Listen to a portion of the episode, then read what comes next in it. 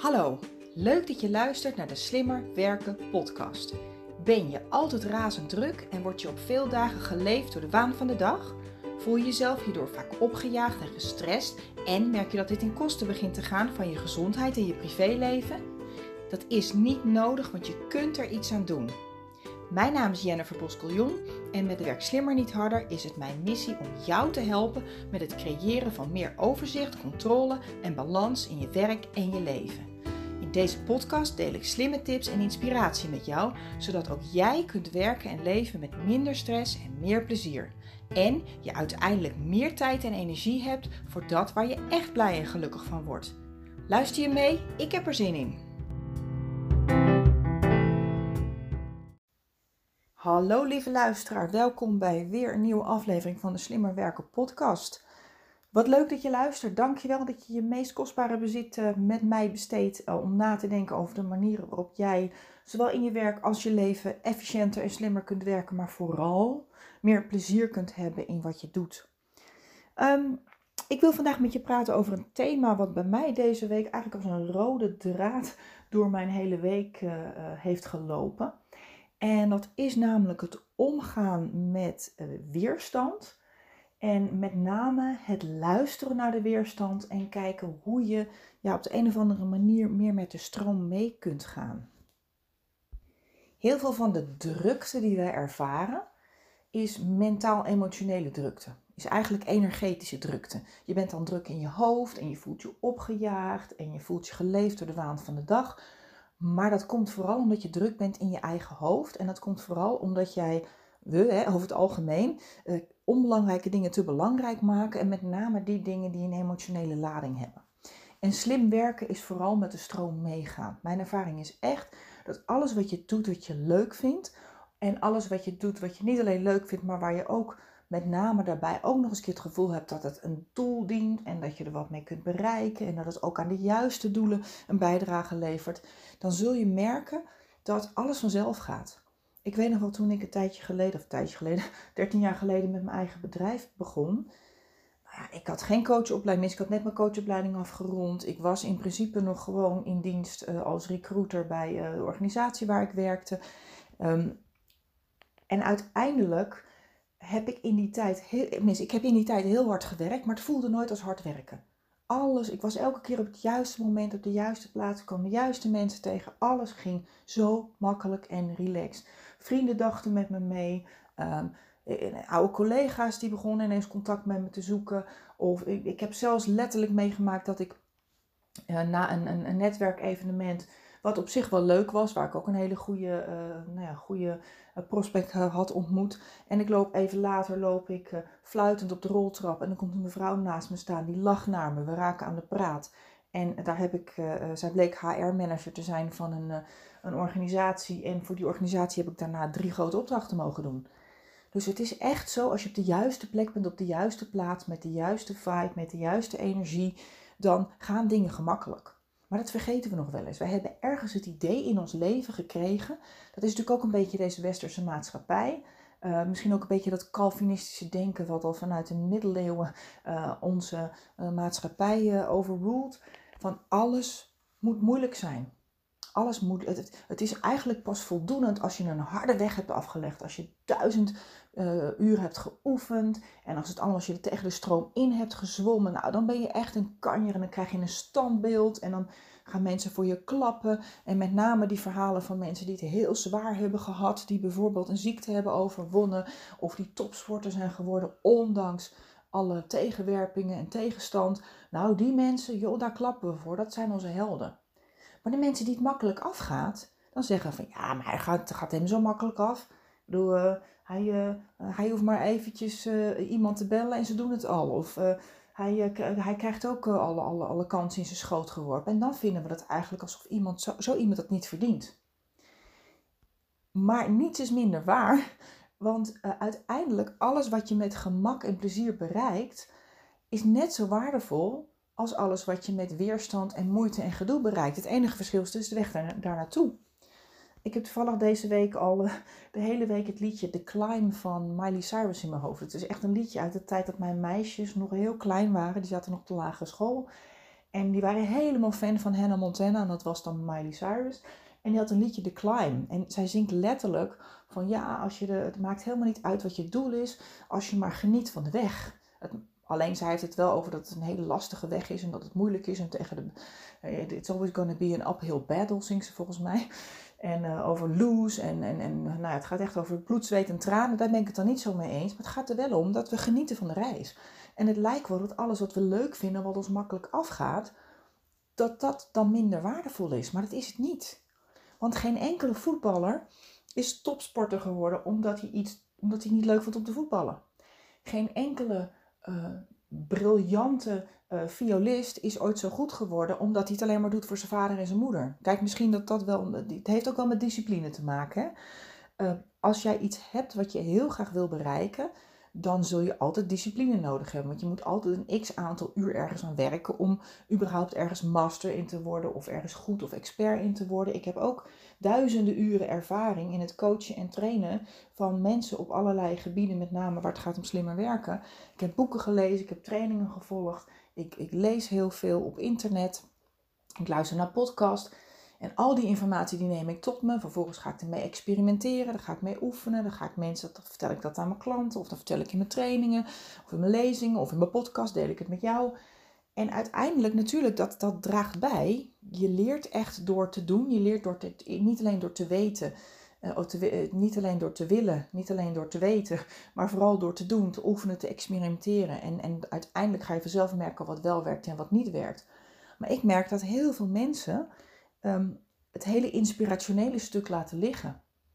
Dat ze zoiets hebben van, ja, nee, ik vind het misschien wel niet leuk, maar ik moet het doen. Ja, ik moet ook mijn administratie doen, ik moet ook mijn facturatie doen. Maar dan probeer ik in één, twee uurtjes in de week probeer ik dat getackeld te hebben. En ik wil het liefst minimaal 80% van de tijd bezig zijn met iets wat ik leuk vind. En als we weerstand ergens tegen voelen, dan is dat heel waardevol.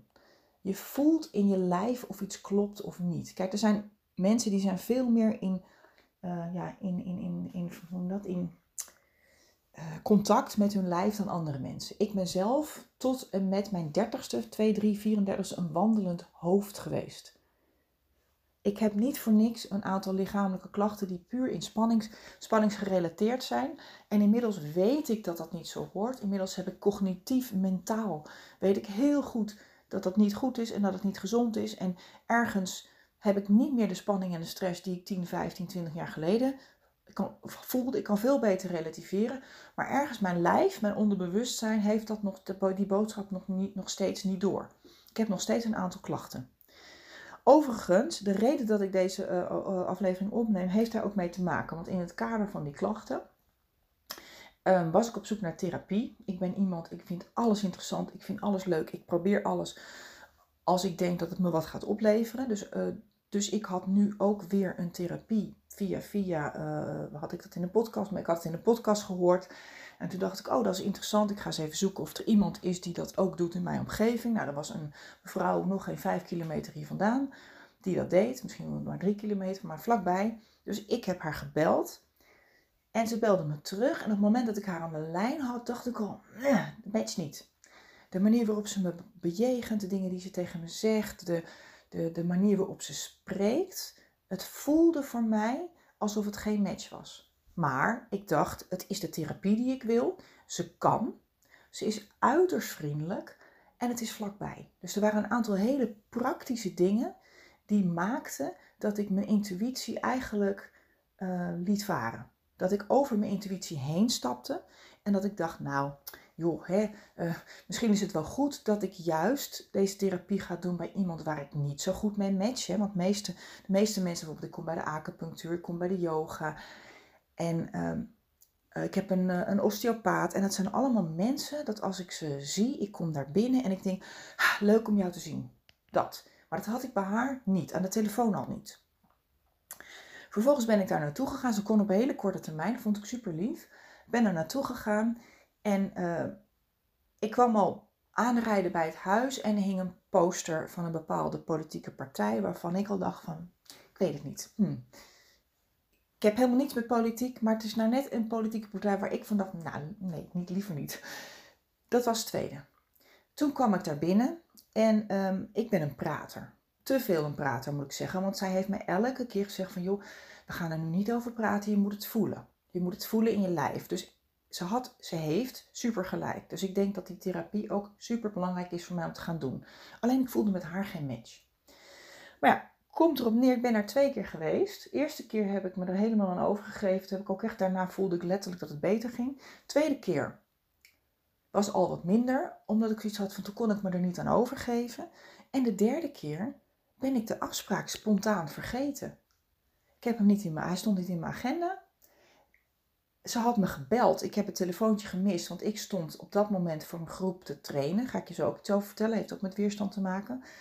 Ik stond voor een groep te trainen. Daarna zag ik dat ik een paar berichtjes had, maar daar scrolde ik snel doorheen. En ik had helemaal niet gezien dat ik een oproep gemist had. Echt zo suf. Ik heb gewoon wissen, meldingen wissen heb ik gedaan. Maar ik heb ook dus geen bericht gehad dat ze op mijn voicemail stond. En dat is niet wie ik wil zijn. Ik wil betrouwbaar zijn, ik wil eerlijk zijn tegen mensen. En ik dacht vanochtend ineens, ik dacht, ja, ik had alweer een keer een afspraak met haar, maar die zie ik helemaal niet in mijn agenda staan. Dus ik had haar een berichtje gestuurd. En toen kreeg ik, toen belde ze me op. Nee, ze appte me eerst vrij kort af. Van ja, ik heb je gebeld en ik heb je voicemail ingesproken en ik heb op je zitten wachten. Puntje, puntje, puntje. Dus ik een app teruggestuurd van nou sorry, het spijt me heel erg. Het is helemaal niet mijn bedoeling. En hij stond niet in mijn agenda. Ik heb ook je voicemail niet gehoord. Toen belde ze me op. Ja, ja, ja, nou ja, eigenlijk ben ik er niet zo blij mee. Nou, echt een beetje alsof ik door een, een, boze moeder werd toegesproken. Wat ik logisch vind, want ik heb, daar heeft ze recht op. Want ze heeft echt op me zitten wachten, dus dat snap ik.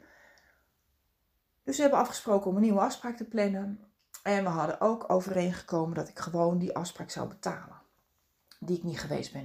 Maar het voelde niet goed. Ik legde neer en ik dacht, ja, ik ben nu toegesproken als een klein meisje. Voelde ik me toegesproken door een, een, een, een, een, een ja, een strenge juf. Maar ik moet daar naartoe om van mijn emotioneel-mentale blokkades af te komen. Nou, en als ik al weerstand tegen haar heb, waar ik al twee, drie keer tegenaan liep, waarvan ik dacht, ja, met mijn verstand dacht ik van ja, maar ja, dat is die weerstand, daar moet ik ook tegen, tegenop gaan. Of die weerstand moet ik juist doorbreken, want dat is natuurlijk weerstand, is altijd een heel belangrijk signaal. En ik dacht van nou, het is blijkbaar een signaal dat ik bij haar terecht moet komen. Maar ja, ik heb toch maar tegen haar gezegd nu uiteindelijk van nou ja, ik heb een appje gestuurd. Ik durfde niet weer face-to-face te doen en nog een keer te bellen. Van nou ja, het spijt me, ik heb er nog even over nagedacht. Maar ik voel me bij jou, uh, gezien de weerstand die ik ook bij jou voelde in ons gesprek. Uh, en niet helemaal veilig om, uh, om de therapie voor te zetten. En ik dank je ontzettend voor de inzicht tot nu toe en stuur me maar een factuur. Dat is al heel wat voor mij. Want eigenlijk, de oude Jennifer van een aantal jaar geleden zou daar naartoe gegaan zijn. Die zou gewoon gegaan zijn, wij spreken het hele weekend een beetje hè, overvoelen. Ik zou erheen gegaan zijn en dan zou ik waarschijnlijk dan uh, nog een volgende afspraak gemaakt hebben. En dan misschien later eens een keer een appje zeggen van nou nee, ik doe het toch maar niet. Of dan die afspraak met de smoes afzeggen. Dat is in principe niet wie ik wil zijn, maar ik kan er niks aan doen. Ik ben zoals ik ben en ik ben conflictvermijdend en ik vind het moeilijk om mensen aan te spreken. Ik vind het moeilijk om mensen teleur te stellen. En dat is eigenlijk wat ik je ook wil meegeven. Uh, op het moment dat je voelt dat iets niet goed voelt, luister daarnaar. Want jouw lijf geeft echt het antwoord. Je vaak, hoe vaak gebeurt het wel niet dat je ergens komt en dat het niet loopt zoals je verwacht had. Of dat je bijvoorbeeld, uh, ik had laatst ook een keer een groepstraining die niet helemaal verliep zoals het verwacht was. En niet alleen omdat ik het niet goed deed, maar ook omdat we aan het begin, het begon al dat we heel veel gesteggel hadden over de prijs en over uh, hoeveel dat moest kosten, over de frequentie, over de duur, over de begeleiding. Ik ben weken aan het steggelen geweest over de offerte en dat gebeurt heel vaak niet. Ik heb heel vaak dat mensen mij bellen van joh, we willen graag een training, geef me een offerte. Uh, en vervolgens krijg ik gewoon een mailtje terug. Ja, is goed, gaan we doen, kom maar met data. Ik zeg niet dat het alleen maar zo mag gaan, maar vaak zijn dat al de, de, de, de, de signalen dat je denkt, oh, dit wordt een leuke opdracht. Ik heb er zin in. Het gaat allemaal makkelijk. Het is, wij matchen met elkaar. En ik zeg altijd, mensen zijn in je leven een bruistabletje of een zuigtabletje. Een bruistabletje is iemand waar je blij van wordt. En een zuigtabletje is iemand waarvan je denkt, mm, nou, ik weet het niet. Ik voel me er niet zo heel erg senang bij. Of ik vind iemand niet zo positieve uitstraling hebben. En dat had ik bijvoorbeeld bij deze therapeuten. Er was iets met haar wat niet helemaal matchte met mij. En waarschijnlijk andersom ook. Zij zal mij waarschijnlijk te bij de hand gevonden hebben, of misschien te oppervlakkig, of uh, te veel praten. Ja, dat is natuurlijk dat is iets wat ik, waar ik heel goed in ben. Um, en zij uh, uh, Nou, ik voelde, en dat is natuurlijk, zegt iets over mij, maar ik ben inmiddels van overtuigd dat wat je voelt, dat dat altijd klopt. Ik voelde weerstand van haar kant tegen mij. En dat maakte dat ik me niet helemaal veilig voelde. Alleen, heel vaak weten we dat. Vaak weet je dat. Hoe vaak zal jij dat wel niet meegemaakt hebben? Dat je ergens komt en dat het niet goed loopt. Zie je wel, ik wist wel dat het niet goed ging. Zie je wel, ik wist wel dat ik dit niet moest doen. Of zie je wel, ik had dit al verwacht. Er is natuurlijk ook zoiets als een self-fulfilling prophecy. Heeft ook met energie te maken dat wat jij verwacht, dat creëer je. Je creëert letterlijk wat je verwacht. Dus als jij problemen verwacht, dan creëer je problemen. Ik vertelde dat van de week in een uh, projectmanagement, uh, projectmanagement training die ik gaf. Ehm, daar vertelde ik ook aan de deelnemers van, joh, oh, er was één oefening dat dat de deelnemers, uh, ze, waren dan allemaal projectleiders. En dat zij dus de, de, de, de, de, de, leden van hun projecten in kaart gingen brengen.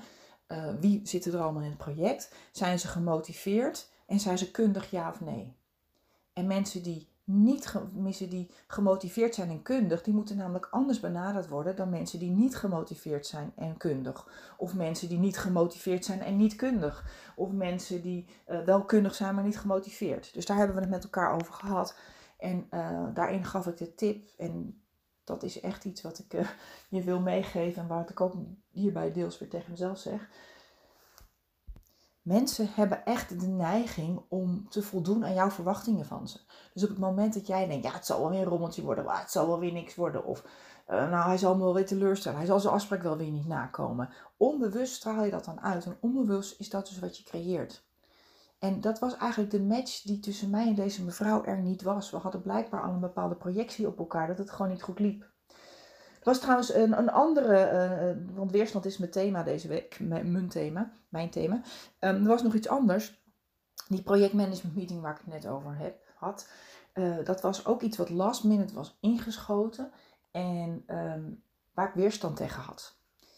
En er waren twee redenen waarom ik er weerstand, drie eigenlijk, drie redenen. Ten eerste was het voor een opdrachtgever die altijd last minute met van alles komt. En de ene keer kan ik wel en de andere keer kan ik niet. Maar zij um, verkopen iets, ze sturen een offerte, dan verkopen ze het en dan gaan ze daarna een trainer erbij zoeken. En ik ben iemand die wel in de verste uithoeken van hun uh, uh, flexibele schil zitten, dus ik ben een van de laatste mensen die ze bellen. Omdat ik ten eerste vaak zelf heel druk ben en ten tweede ben ik volgens mij ook een van de duurste trainers die ze hebben. Ik zeg altijd, ja, je pay, uh, pay you get monkeys. Dus de kwaliteit die lever ik, maar daar vraag ik dan ook wat voor. Tenminste iets meer dan een gewone trainer die vooral afhankelijk is van anderen om zich in te laten huren. En ik heb natuurlijk zelf ook mijn eigen netwerk. Maar zij bellen, belde mij vrijdagavond ja, kun je dat doen? En we zitten met een probleem, want er is een trainer die last minute ziek is en het gaat allemaal niet worden. En die, ah, ja, dat, dat, was een heel dramatisch verhaal, werd me voorgehouden. Achteraf viel het volgens mij wel mee, maar oké. En het gaat over projectmanagement. En toen dacht ik, ja, ik time management, slimmer werken. Ik doe heel veel teamtrainingen en ik doe heel veel met mensen nadenken over hoe kun je je projecten goed managen. Maar ik ben geen projectmanager. Ik weet niets van lean en scrum en agile. En nou, alleen de woorden al krijg ik jeuk en kriemels van. Ik wil dat helemaal niet. Ik ben er niet goed in. Tenminste, dat is dus de, de, de, de belemmerende overtuiging die ik daarin heb.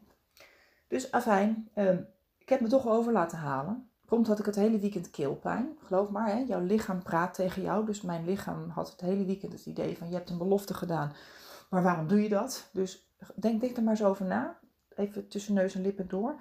Ehm, als jij last hebt ergens in je lijf, als er iets pijn doet, letterlijk je onderrug, je nek, je schouders, hoofdpijn, dat is je lichaam die tegen je spreekt. Vaak is het een reactie op iets. Of te veel druk die je op hebt genomen, of beloftes die je hebt uh, gedaan waarvan je baalt dat je ze niet kunt waarmaken, of die je graag had willen waarmaken, of dingen waar je niet goed bij voelt. Um, het is allemaal stress, het is allemaal spanning en er is gewoon een punt in je lijf waarop het er op dat moment uitkomt. En dat is vaak je zwakke plek. In mijn geval is dat mijn onderrug en mijn hoofdpijn. En in dit geval manifesteert het zich met name in mijn keel. Oké, dus dat is het tweede.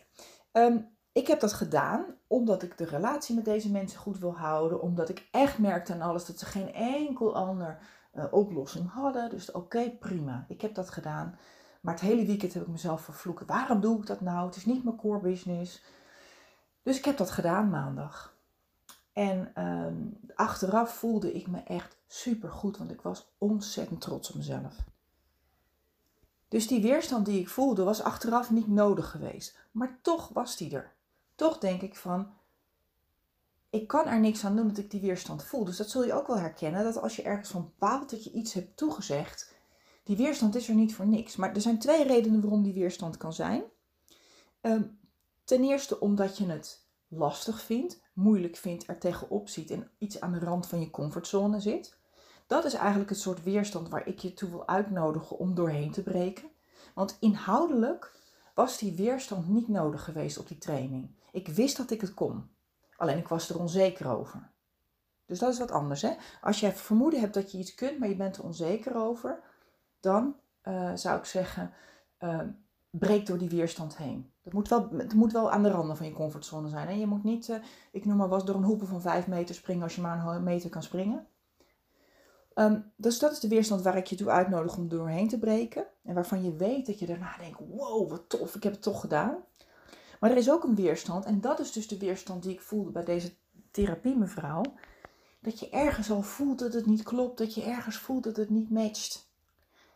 En dan gaan we toch voor de lieve vrede, om conflicten te vermijden, of omdat we bang zijn voor afwijzing, of omdat we bang zijn om te falen, omdat we bang zijn om andere mensen ongelukkig te maken, teleur te stellen, gaan we toch uh, gaan we ermee door. Ondanks dat we met ons. Dan ga, dan ga je soms met je verstand, ga je redenen verzinnen waarom je het wel moet doen. Alleen als je heel veel. Mijn ervaring is, als je heel veel overtuiging nodig hebt om jezelf te overtuigen om iets te doen, dan is het niet goed. Kijk, um, dit weekend wist, heb ik me er zelf eraan gecommitteerd. Ik had toegezegd, het was al, het was vrijdagavond, het was al voor maandagochtend. Daar heb ik, ik bedoel, door die appel ben ik heen gebeten. Ik vind, als jij een commitment maakt, dat is mijn trouwens, dat zijn mijn normen en waarden. Ik vind als je echt een commitment maakt aan iemand en iemand uh, rekent op jou, dan zou ik zeggen, doe je best om het te doen, maar leer daar achteraf van. Ik heb het gedaan. Ik had daarna barstende hoofdpijn. Ik heb het hele week last van mijn keel gehad. Ik heb het gedaan, maar ik was wel ontzettend trots daarna. Vervolgens um, krijg ik gelijk een opdracht om afgelopen donderdag, toevallig had ik die ochtend geen afspraak staan, ja, wat eigen werk.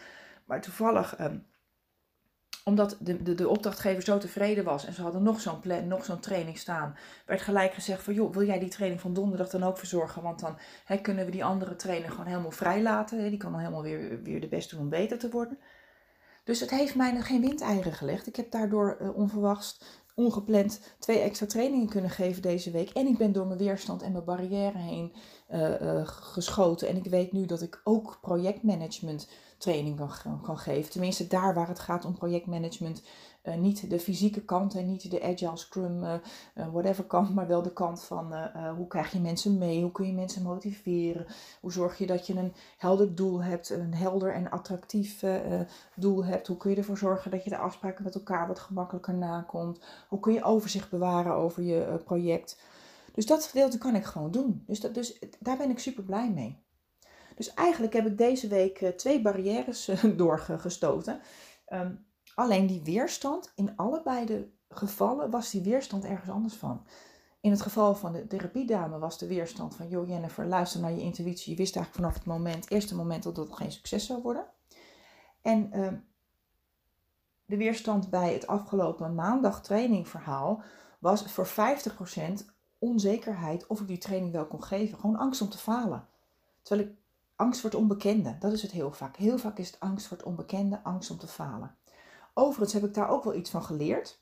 En wat ik daarvan geleerd heb, is dat ik mijn eigen opdrachten voor mijn eigen klanten die ik zelf heb aangenomen, het allerleukst vind. Ik had het net over die hoepel. Uh, dit trainingsbureau die hangt een hoepel op en ik moet er doorheen springen. En dan, sta, dan ik op drijfstand. Dat vind ik zo lastig.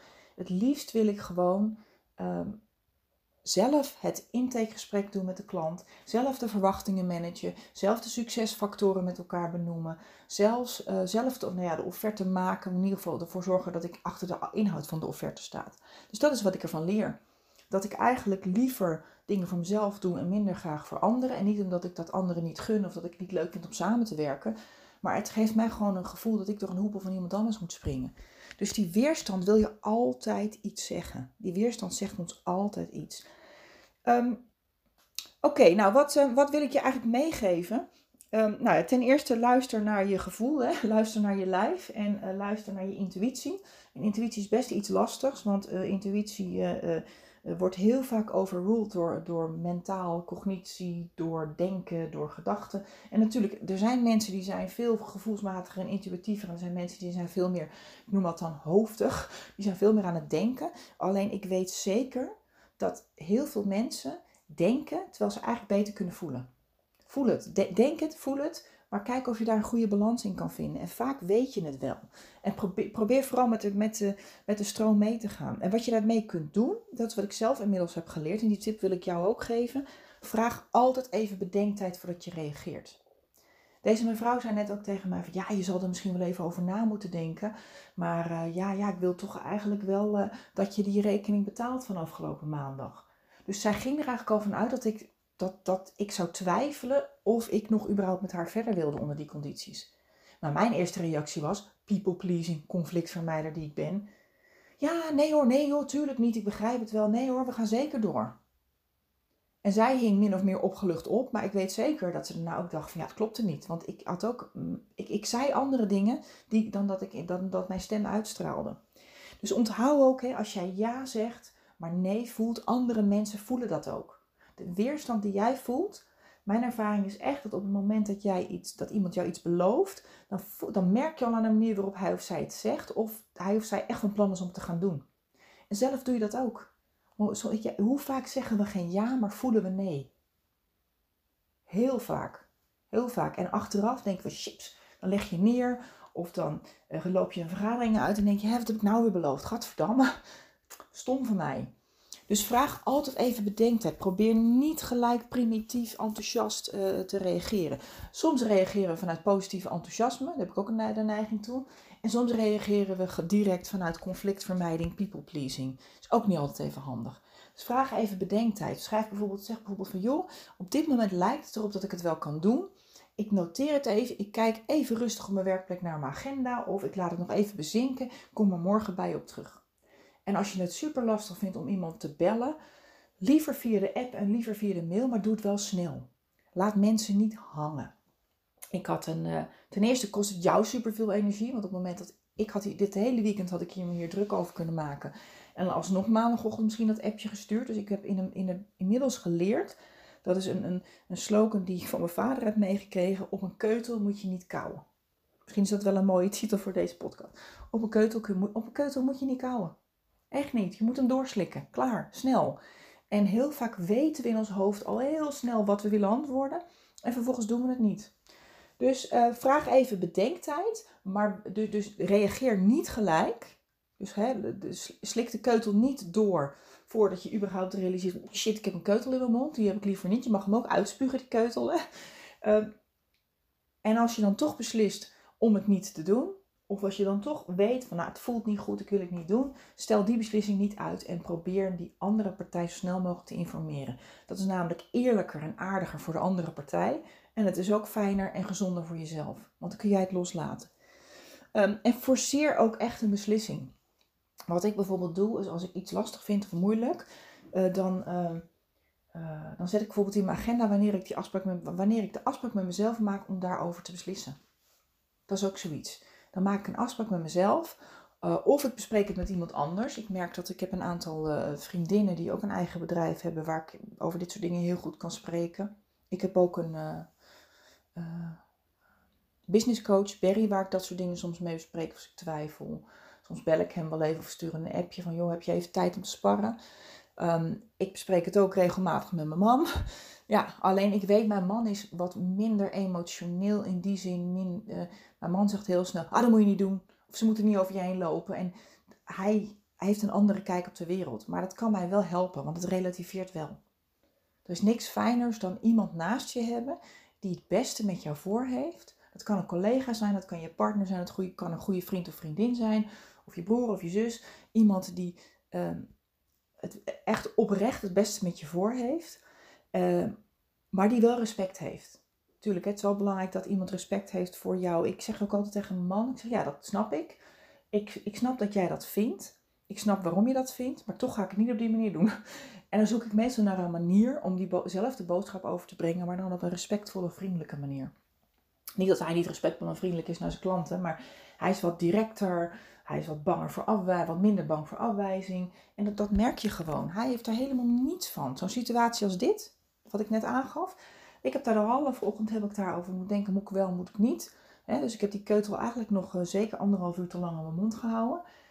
En hij zou gelijk zeggen, hij zou gelijk die persoon bellen van, nou ja, op het moment dat hij aan de telefoon was, zou hij al waarschijnlijk gezegd hebben, nou nee, dit, ik moet er inderdaad over nadenken, maar ga er maar vanuit dat we het niet meer doen. Ik betaal die factuur, ik wil het netjes afronden, maar dan is het klaar. Um, Oké, dus forceer een beslissing, want het kost jou ontzettend veel tijd en energie. En desnood maak je een afspraak met, met iemand anders om er even over te sparren.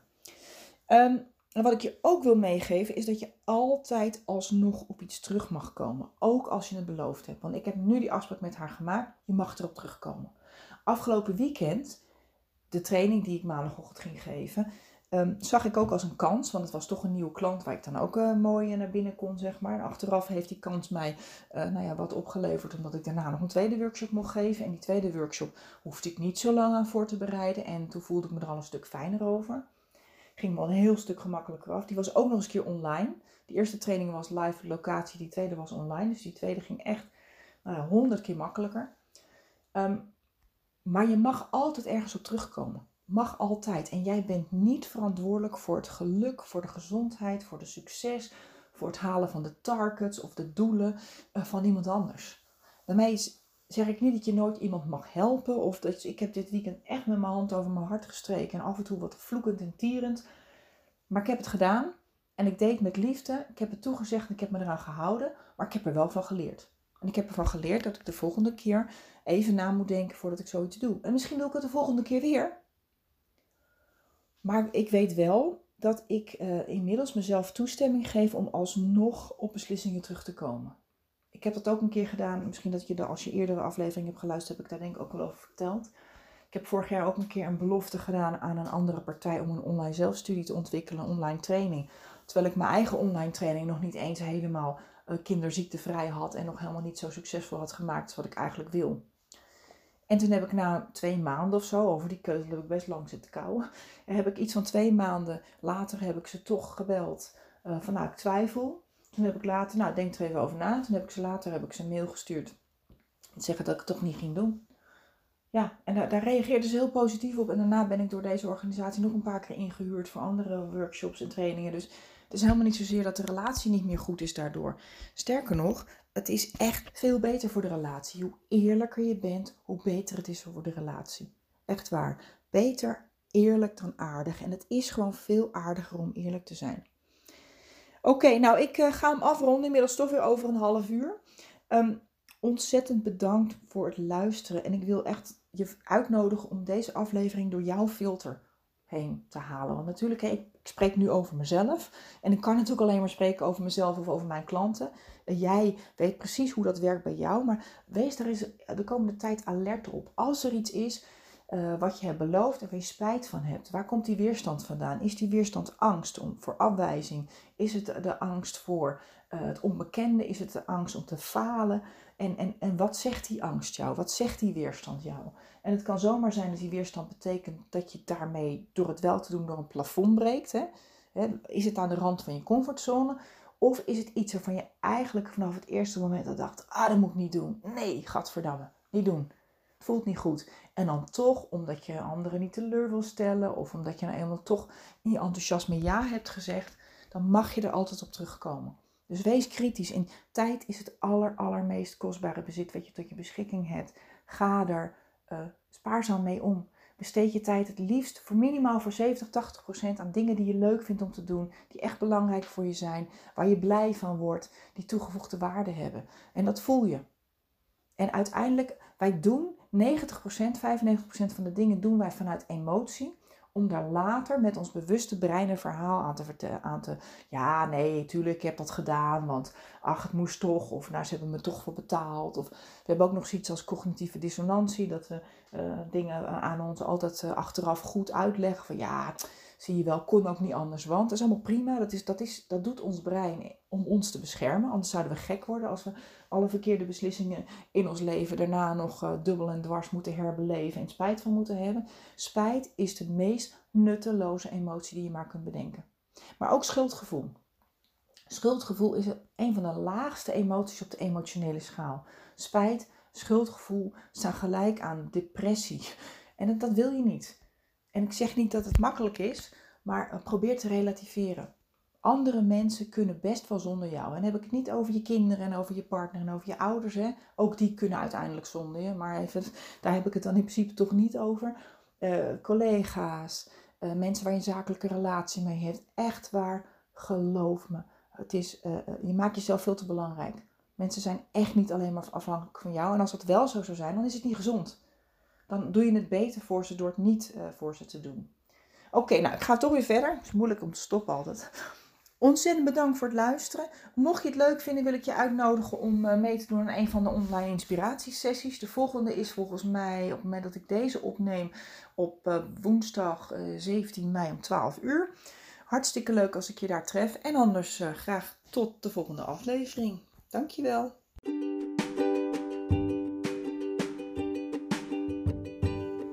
Bedankt dat je hebt geluisterd naar de Slimmer Werken podcast. Ik vertrouw erop dat je ook deze keer weer nieuwe ideeën en inspiratie hebt opgedaan. Met Werk Slimmer Niet Harder wil ik zoveel mogelijk mensen inspireren om slimmer te werken met betere resultaten en meer plezier. Ik nodig je dan ook uit om deze podcast te delen met iedereen die je dit ook gunt. Verder zou ik het heel leuk vinden om van jou te horen wat deze aflevering je heeft opgeleverd en natuurlijk wat je ermee gaat doen. Stuur me dan een bericht of tag me op social media. En wil je nog meer tips en inspiratie? Kijk dan op wsnh.nl voor artikelen en downloads. Heel veel succes en graag tot de volgende keer.